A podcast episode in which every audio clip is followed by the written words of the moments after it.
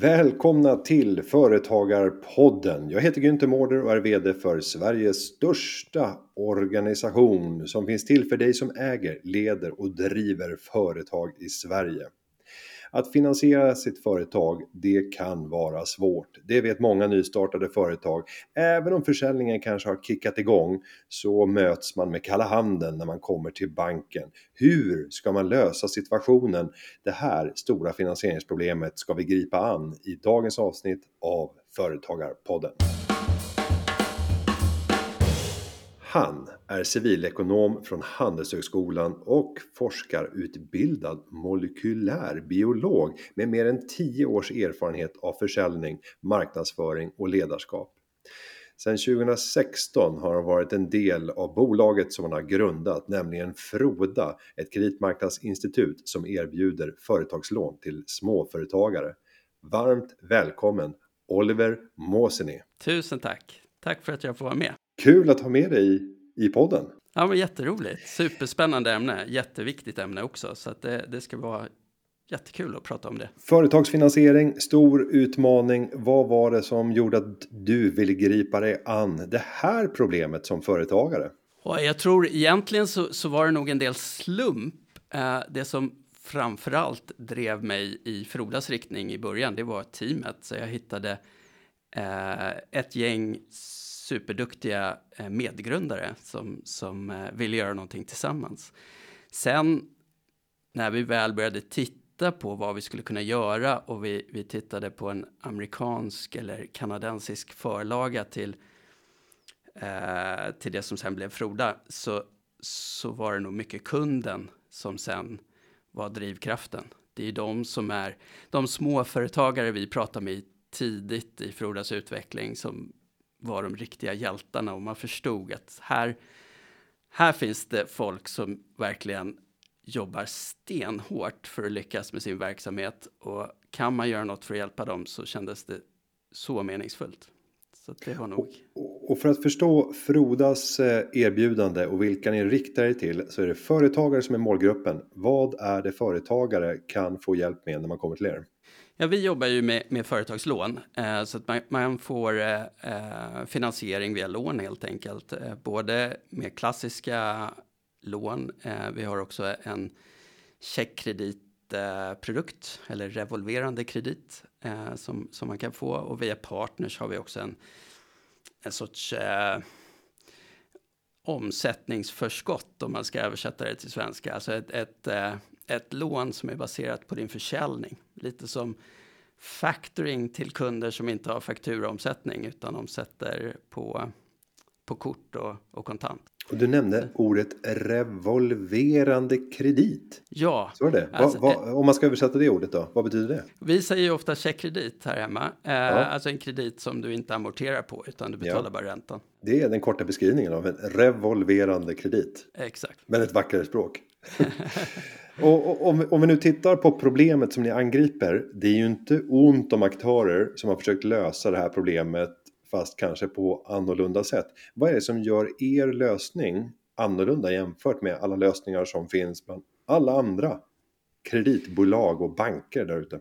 Jag, jag tror eh, till att börja med så är vi ju helt inriktade på företagare och, och framförallt och småföretagare. Eh, det är våra målgrupp och vi har byggt en produkt som är verkligen till för dem. Så att det är inte så att vi försöker stöpa in företagarna i någon storföretagarmall som jag skulle säga att de flesta storbanker gör eh, och inte heller ser dem som en konsument eh, så att det är någon sorts lite dold konsumentkredit som vi jobbar med utan vi, vi tittar verkligen på företaget och försöker bygga våran produkt så den passar företag. Sen är det ju framförallt kanske digitaliseringen att det, det är en produkt som är tillgänglig för alla. Eh, jag skulle hävda att den blir mer rättvis och mer demokratisk i och med att den är digital. Du behöver inte vara en medelålders vit man med kavaj och slips, utan vi tittar bara på siffror, alla behandlas lika. Så, så det är väl också en stor skillnad. Du, du kan liksom vara en, en ny svensk, en ung tjej, eller självklart som mig då, en medelålders man och, och ändå få samma behandling hos eh, Froda. Och om vi tittar på de företagare som ändå får ett negativt besked. Det är ju det vanligaste när man går och, och vill låna från banken. Eh, men om man tittar på Froda, vilka är det som får ett nej och vilka är det som får ett ja i kreditprocessen? Ja, när vi startade Froda så hade vi en ambition att så många som möjligt ska få ett ja. Så vi har en väldigt hög beviljandegrad. Vi beviljar strax över 70 procent av alla som ansöker. Eh, det innebär ju självklart då eh, en högre risk eh, och eh, en större prisspridning också. Så att vi, vi, eh, vi har en ganska stor spridning på våra priser för att kunna liksom hjälpa även de som, som har lite större risk i verksamheten. Du kanske är relativt nystartad och också en liten verksamhet så att det finns risker i det.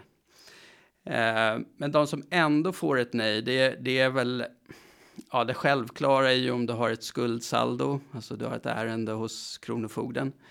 Eh, då får vi inte hjälpa dig. Eh, och är det inte det så är du alldeles för ny så har vi svårt att hjälpa. Vi har ju gjort så för att kunna hjälpa många företagare att vi försöker fokusera mycket mer på kassaflöden, alltså företagets försäljning istället för att bara titta på balansräkningen och försöka hitta säkerheter som har varit lite den klassiska bedömningen. Då. Eh, men finns det inga kassaflöden så, så, blir det ju då svårt istället. Så att man behöver ha eh, helst sex månaders försäljningshistorik för att vi ska kunna hjälpa till. Och när vi pratar prissättning så såg jag på hemsidan 3,9 procent. Sen kommer ju alltid det där från. Ja. Eh, och då misstänker jag att det är, det är de bästa villkoren som man kan få som företagare.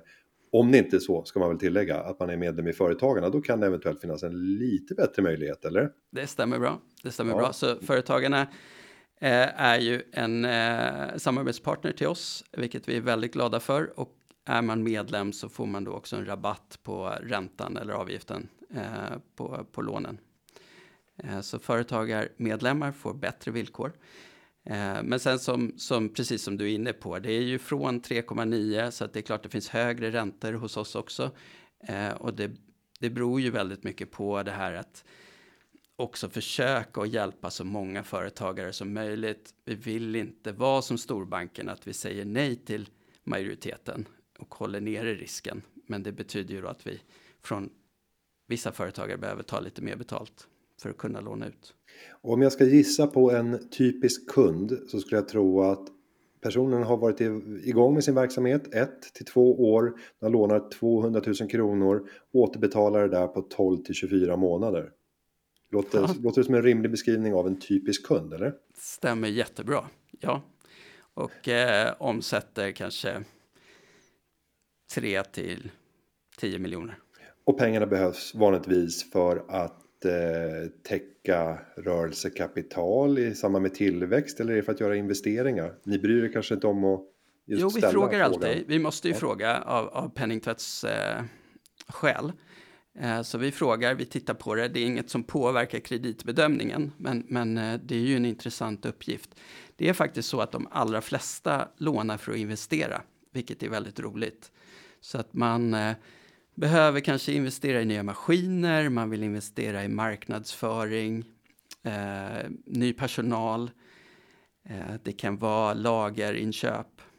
Eh, relativt ska säga, mindre investeringar eh, och, och, ganska snabb eh, return on investment på dem. Och om vi ser var gränsen går, eh, om vi tänker räntevis, när en företagare egentligen borde använda en annan finansieringsform. För någonstans så närmar man sig en gräns för räntekostnad när risken är så hög att det egentligen är eh, eget kapital, alltså nytryckta aktier som någon annan får köpa som är ett mer relevant alternativ. Var tycker du att den gränsen går och, och stöter ni på många sådana fall där räntan blir alldeles för hög för att det är för riskfyllt projekt? Där man egentligen borde söka riskkapital jag skulle inte säga att, att de kommer till oss i, i någon högre utsträckning, de som egentligen passar bättre för riskkapital. Eh, I och med att vi jobbar ju mycket mer med traditionella företag, eh, de här ja, verkstadsindustrin, restaurang, handel. när du söker riskkapital så vill ju gärna investerarna se någon, någon sorts eh, möjlighet till en väldigt hög avkastning. Eh, och det är inte riktigt de branscherna där vi är verksamma, eller där våra kunder är verksamma ska jag säga. Vi själva är ju lite där. Eh, vi har ju haft förmånen att kunna resa kapital. Eh, men, men då, då behöver man ju någonstans se den här att det här bolaget kan bli hundra gånger så mycket värt eh, om fem år. Ehm, har du den, den prognosen på din verksamhet, då skulle jag ju säga att riskkapital är mer intressant. Eh, och där har ju vi också självklart ganska svårt. Vi kan ju inte ta den sortens risk, utan då behöver du kanske prata med en affärsängel eller, eller mindre VC-fond beroende på hur mycket pengar du behöver. Och om vi funderar över branscher som är hårt reglerade så skulle jag ju säga läkemedel och finans. De mm. två mest reglerade branscherna i världen. Det kanske finns någon ytterligare om vi skulle ta kärnkraftsteknik eller eh, liknande. Men det är hårt reglerat. När ni har gett er in i den här eh, regulatoriska djungeln som finansvärlden innebär och har nya angreppssätt och försöker skapa enkla produkter. Hur lätt eller svårt har det varit att komma fram med ett innovativt och bra erbjudande till, till kunder utan att ha fått krokben på grund av regulatoriska delar? Ja, men det, det är ju lite intressant i Sverige och, och i ganska många europeiska länder så är ju inte företagsutlåning reglerad. Eh, utan räcker att registrera sig hos Finansinspektionen och eh, börja låna ut till företagare.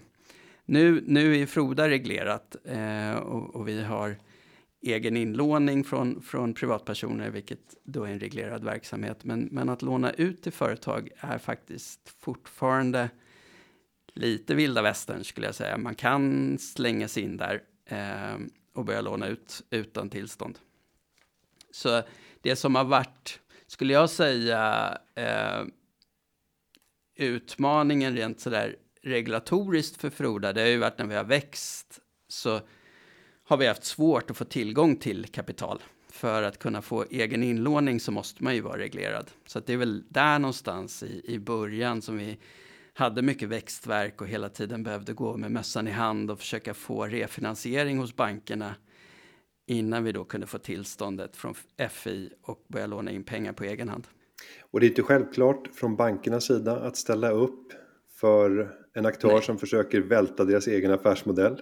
Mötte det en del motstånd inte. där eller? Ja, det gjorde vi. Eh, jag skulle säga att de stora bankerna de blir mer och mer öppna för det här, men de känner ju fortfarande att det är deras core business att låna ut och att vi på något sätt inkräktar i det eller konkurrerar. Samtidigt så erkänner de ju villigt att de inte lånar ut så mycket till småföretag och att de dessutom krymper eh, andelen utlåning till småföretag.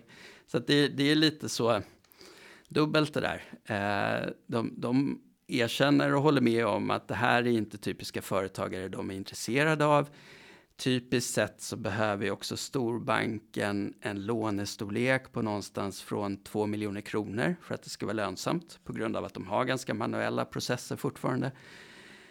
Eh, så att både de branscher där vi är störst eh, är ointressanta. Storleken på lånen vi ger ut är ganska ointressanta. Men det är lite svårt att acceptera att vi inte skulle vara då en konkurrent som man kan och därför också svårt att samarbeta helt enkelt. Eller en branschkollega som man ibland uttrycker det vackert. Exakt. Men om vi tittar på hur ni kan få en affär i det här eh, vilket bankerna inte klarar. Om jag då tar bankernas perspektiv, eller eftersom jag har suttit på andra sidan eh, bordet och varit eh, den där företagaren som har ansökt om krediter, ofta ganska små krediter många gånger, några hundratusen kronor men det är oftast en ganska omfattande process. Ibland till och med två stycken fysiska möten med upp till två stycken banktjänstepersoner som ska sitta närvarande. Vi ska gå igenom en proforma balansräkning. Vi ska redovisa hur kassaflödesprognosen ser ut. Och det är ett ganska stort mått av material som har tagits, tagits fram i anslutning till de här mötena som sen ska granskas. Då sitter jag och försöker räkna baklänges och säga hur mycket behövs inte i ersättning för att bara finansiera lönerna för de personer som ska sitta och hantera de här processerna. Och jag har svårt att få det att gå ihop om man inte tar en ockerränta. Ja, eh, det är, är det, det, som är en det är stor utmaning är, för banken. Ja. De, de, får inte att gå ihop förrän de kommer upp i ganska stora volymer. Så, jag menar, ja, men det är precis som du säger, man kan ju räkna baklänges. Om man ska låna 100 000 och banken har en totalintäkt på kanske 6 000 över två år på, på det lånet, så har de ju inte ens finansierat de där två mötena. Eh, så det där är ju en stor problematik för banken och det är ju det som har också varit anledningen till att vi har valt att göra allting helt digitalt. Det finns, det finns självklart möjlighet för våra kunder att prata med oss via, via telefon eller chatt, mejl, mail, men normalt så går en kund och ansöker på nätet och får svar i realtid, ja du kan låna eller nej tyvärr. Eh, och om de är nöjda med de villkor vi erbjuder så skriver de på digitalt och sen är allting klart. Så det är ju det är ju ett lån som är helt utan manuell handpåläggning. Men jag funderar också utifrån en banks perspektiv att titta på det ni gör för att inspireras av att göra samma sak och samtidigt ha obegränsat med pengar för utlåning. För så mm. är det för en bank. En bank kan till och med trycka pengar i Sverige. Varför är de så trögrörliga? Hur kan man tillåta att en aktör som, som Froda ens får möjlighet att etablera sig innan man själv bara kopierar och gör samma sak? Jag tror det är svårt. Jag tror också man får vara lite rättvis mot banken. De, de ska ju göra så mycket olika saker och göra allting bra. De, de, eh, de är ju duktiga på konsument, de är ju duktiga på bolån. Eh, de är duktiga, vissa av dem i varje fall, på större företag. Ehm, jag, tror det är svårt att få organisationen att vara bäst på alla olika möjliga produkter och alla olika möjliga kunder. Man, får nog bara erkänna att, att småföretag kanske inte är deras fokuskund. Eh, och därför är de inte jätteduktiga på de produkter som småföretagare behöver. Men nu har ni valt att fokusera helt och fullt på småföretagare.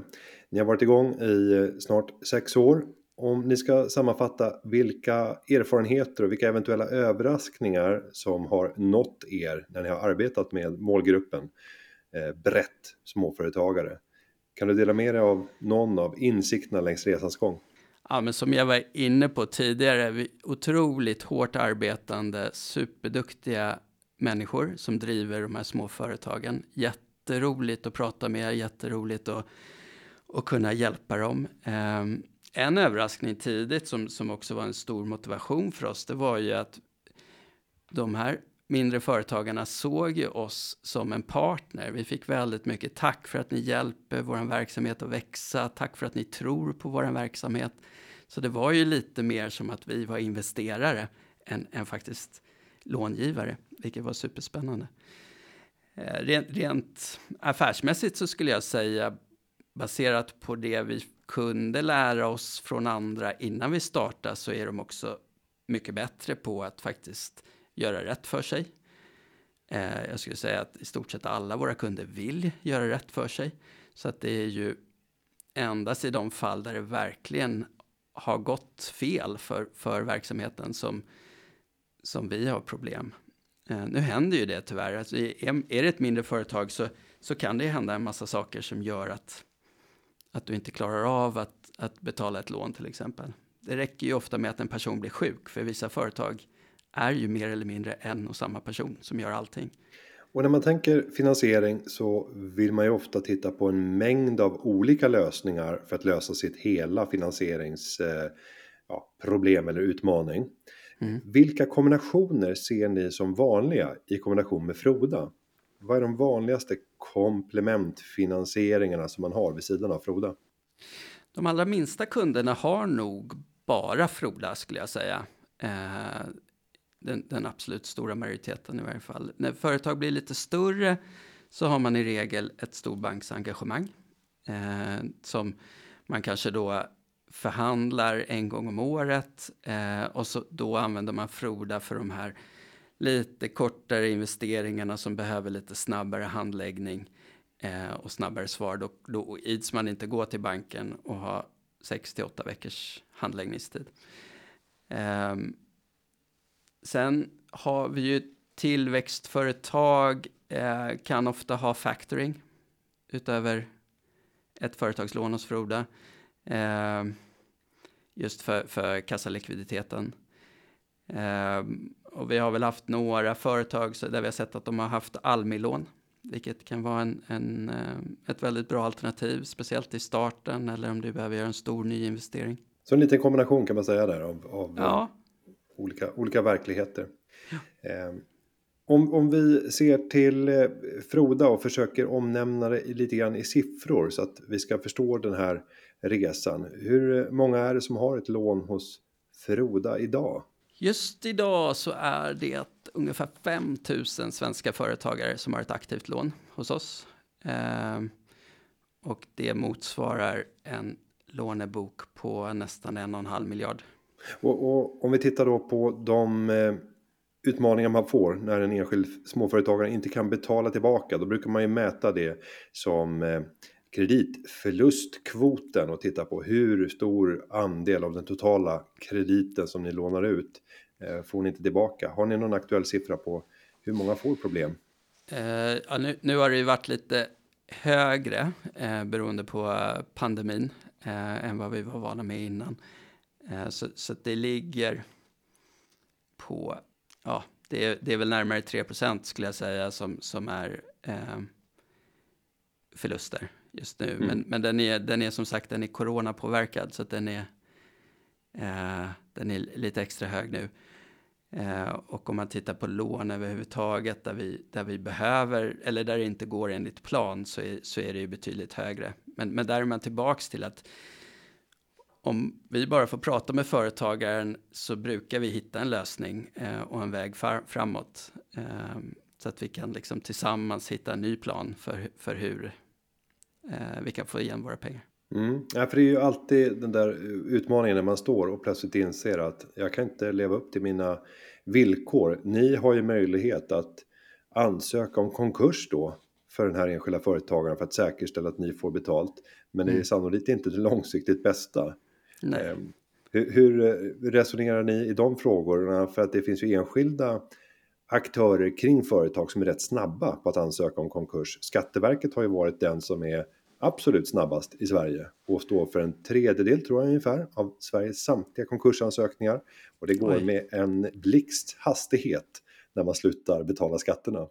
Ja, vi, vi, eh, vi försöker alltid hitta en lösning med, eh, med våran kund. Eh, och oftast så är det ju ett tillfälligt problem, upplever jag. Att det har hänt något i verksamheten, du har råkat ut något, för något i din lokal.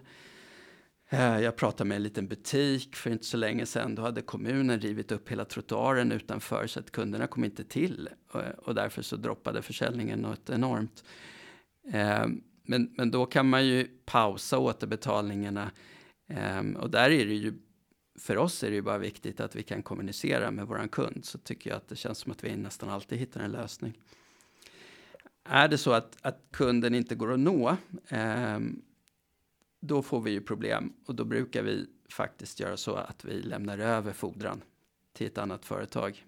Det är lite, jag skulle säga att det är ett val av oss att inte bli ett indrivningsbolag. Mm. Um, jag tror att det, det, hade varit kulturmässigt en utmaning för Froda att både försöka vara den som hjälper kunden och hittar sätt att finansiera deras investeringar och sen så samtidigt driva in skulder från, från det fåtal som inte klarar av att betala tillbaks. Men det är inte en ovanlig kombination när du säger de där att bedriva båda den typen av, av, verksamhet under ett och samma skal ibland med ett skilt varumärke för att inte skada huvudvarumärket. Men, men eh, ni har valt en annan väg framåt. Vi har valt en annan väg. Jag tror att det är viktigt. Det, det är ju en också något som har varit viktigt från början för Froda att inte ha någon intjäning på påminnelseavgifter och, och diverse förseningsavgifter. för att det man, vi vill tjäna mest pengar på de kunder det går bra för. Så att vi har våra incitament alignade med kunden. Då tror jag att man kan växa med sin kund och skapa en riktigt bra affär. Om man hade en massa intjäning på de kunder det går dåligt för, då blir det ju så att man, man till slut får ett företag som kanske nästan önskar att det ska gå lite dåligt för, för kunden så att man kan tjäna lite mer pengar. Så vi har varit noga med att inte ha några extra avgifter på den sidan. Eh, vilket jag tror har varit jättebra för oss och jag hoppas och tror att kunderna också uppskattar det, att man försöker hjälpas, hjälpas åt när det är tuffa tider istället för att hitta lite mer intjäning. Och när du beskrev din typiska kund så nämnde du restaurangverksamhet och jag tyckte jag hörde mellan raderna en mindre butik eller liknande. Nu har vi gått igenom en pandemi som för många innebar en väldigt svår tid, inte minst inom restaurangverksamhet. Eh, hur har den här perioden varit för er och för era kunder? Ja, i våren där 2020 så var det ju smått panikartat på Froda Eh, och framförallt tror jag för att det var svårt att göra någon kalkyl. Det här hade ju aldrig hänt förut. Och så skulle man försöka räkna på vilka risker utsätts vi för nu. Eh, och det, det, blev ju lite, ja, snudd på omöjligt. Så att först så stod vi på bromsen i två månader. Eh, men sen märkte vi att, att våra kunder var otroligt duktiga på att snabbt skala ner kostnadsportföljen och försöka anpassa sig till den nya situationen.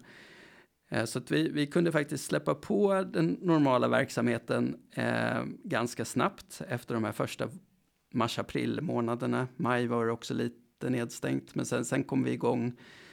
Och så fick man försöka börja hjälpa kunderna igen. Eh, det, det som var utmaningen då var ju såklart att prognosen, den här som jag beskrev tidigare när vi tittar på historiska kassaflöden och försökte göra prognoser framåt. Hur kommer den här verksamhetens försäljning se ut framåt?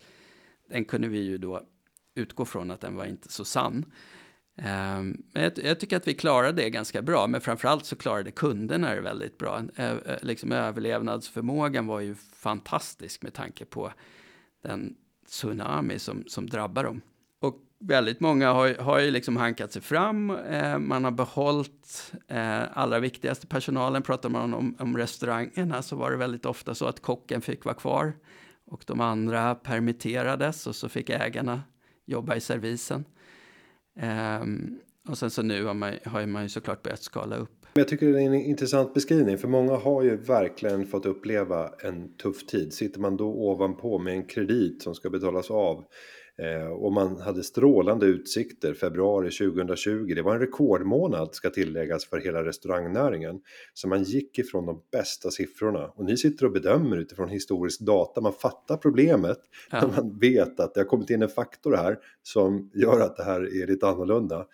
Ehm, om vi nu tittar framåt och tittar på den faktorn, för alla som gör bedömningar, jag sitter ju själv som investerare, jag lägger ju in en rad i min kalkyl nu när jag gör investeringar som heter ett samhälle kan stängas ner. Vad innebär det om jag skulle investera i det här bolaget? Utifrån ert perspektiv, hur ser den där nya faktorn ut och har det påverkat prissättningen? Oj, nu, nu är jag lite ute på djupt vatten. Det här kan mina kreditkollegor mycket bättre, hur, hur faktorn ser ut. Men, men det, det finns såklart en viss coronapåverkan fortfarande på eh, som har kommit in i kreditalgoritmerna. Eh, och, och, vi tittar hela tiden på nya, nu händer det ju nya hemskheter i världen med Ukraina mm. och sådär. Och hur, hur, på, hur, vilka branscher påverkas av de här bränslepriserna? Vi har ju också mycket företagare inom logistik och transport. Eh, hur kommer de kunna hantera det? Kan de, kan de få ut de här ny, nya kostnaderna från sina kunder och så vidare? Eh, så jag tror att för vår del så har det blivit mycket mer medvetenhet om, om, precis som du beskriver, den här nya raden. Saker kan hända som vi inte riktigt var beredda på. Eh, när det kommer till prissättningen så har ju vi Samtidigt som allt det här har hänt så har vi ju också fått då vårt eh, tillstånd, eh, kreditmarknadsbolag ifrån, från eh, Finansinspektionen, vilket gör att vi har kunnat sänka våra egna finansieringskostnader rejält. Så att prissättningen har ju gått ner. Trots alla corona och allt som har hänt så har ju våra priser gått ner under hela perioden för att vi hela tiden har kunnat lägga om portföljen på egen inlåning och, och fått ner våra finansieringskostnader som vi sedan har skickat vidare till våra kunder. Men om jag som företagare nu lyssnar till det här och tänker det där kanske är ett alternativ. Jag kanske borde gå till Froda. Och om man tycker att man stämmer in på beskrivningen att man har ett eh, kassaflöde som man kan visa upp och, och att det finns en, en försäljning, man har en historik. Vad är det jag bäst som företagare ska förbereda mig med för att underlätta och också säkerställa att jag får möjligheten att eh, låna de pengar jag behöver för att växa vidare hos Froda. Hos, hos Froda är det ganska enkelt att få ett snabbt svar och, och det, det kostar ingenting och, och du riskerar ingenting när du frågar. Så att, hos Froda kan du egentligen logga in och se vad du har för lånemöjligheter. Sen om det inte lever upp till dina förväntningar, du kanske hade önskat dig ett större belopp, längre löptid än vad vi erbjuder och sådär, så, så skulle jag rekommenderar att ta en diskussion med oss, fråga vad det är som gör att, att du kanske fastnar i, i en riskklass som du inte tycker själv att du förtjänar. Um, för, för det är ju så, jag skulle säga generellt, om, om man inte tänker just Froda, utan om man, om man ska ut och, och shoppa lån eller krediter, eh, så, så se till att du har ordning och reda på, eh, på egentligen då på din kreditupplysning. Eh, och det betyder ju då att du ska ha betalat dina räkningar i tid, du ska ha betalat dina skatter i tid. Um, Sen finns det en massa saker som påverkar det där med kreditupplysningen. Det är ju som, som jag tror att många företagare inte vet om. Om du har bytt styrelseledamöter i väldigt hög utsträckning så kommer du få ett sämre kreditbetyg till exempel. Om revisorn har bytts ut Exakt, så försämras det på, också. påverkas ja. det också. Om det har gjorts många kreditupplysningar på dig har jag hört också kan påverka. Inte så mycket på företag, speciellt Nej, inte på, på aktiebolag. Det, mm. det, är mm. mycket mer på privatpersoner. Mm. Så, så den, Förutsatt då att det görs en, en företagsupplysning, det ska man ju vara noga med. Så att om, om man går till en långivare så ska man vara noga med att de tittar på ditt företag och inte på dig som konsument, för då, då blir det påverkan. Eh, men, men precis som du är inne på Günther, det finns en massa sådana där saker som man kanske inte tänker på, som faktiskt påverkar kreditupplysningen, som, som då gör att, att långivaren kanske inte tycker att verksamheten känns helt stabil och, och, därför så får man då ett högre pris eller till och med ett nej. Um, så, så det ska man tänka på. Skulle man låna nu så skulle jag också föreslå att man kanske pratar med redovisningsbyrån, se till att man har balans och resultaträkning klara, kanske till och med hinner få uh, en revisor och, och revidera allting. Um, för, det, för det är ju också det här intrycket av att här är en företagare med ordning och reda, plus att jag som långivare får väldigt färska siffror att titta på. Mm, ja men det är bra tips. Snabbheten, hastigheten i rapportering eh, är aldrig någon nackdel utifrån Nej. en möjlighet att söka krediter. Sen är det många företagare som kanske inte vill blotta sig inför sina branschkollegor och liknande för att visa hur verksamheten utvecklas. Och så väntar man med att skicka in det där årsbokslutet in i det sista så att det ska registreras först i, i augusti. Men det där kan få problem. Jag vet också en, en, annan observation. Det tog väldigt lång tid för Bolagsverket för förra året att registrera årsredovisningarna. Vilket ja. gjorde att alla kreditmarknadsbolag som skulle få upplysningar om hur såg det ut i bolagen saknade information. Var det där någonting mm. som drabbade er också? Ja, det gjorde det. Men, men, vi, vi bad ju våra kunder skicka in det, för, för i regel hade de det ju klart. Det var ju inte kunden som var sen i det fallet. Eh, så då tittade vi, då fick vi materialet ifrån kunden. Så det blev ju en lite, ett extra steg för kunden i ansökan. Ehm, så egentligen var det väl kunden som drabbades mer än oss, eh, skulle jag säga i det fallet. Att de, att mm. de fick skicka in det där, det blev lite långsammare svar istället för de här realtidssvaren som vi, vi gillar. Härligt. Ja, jag hoppas att du som lyssnar har fått bra tips och kanske fått upp ögonen för nya sätt att finansiera sig. Eh, jag skulle vilja säga ett stort tack till dig Oliver för att du kom och gästade Företagarpodden. Ja, men tusen tack för att jag fick vara med. Och vi ska också säga att på företagarna.se finansiering, där finns det mer information om vilka möjligheter du kan få med Företagarna och Froda tillsammans som har ett erbjudande när det gäller just finansieringslösningar för småföretag med extra bra erbjudanden. Klippningen av den här podden den är som vanligt gjord av Petra Cho och underlaget för podden är skapat av David Hagen. Vi hörs igen nästa vecka. Tack för att du lyssnat. Hej då!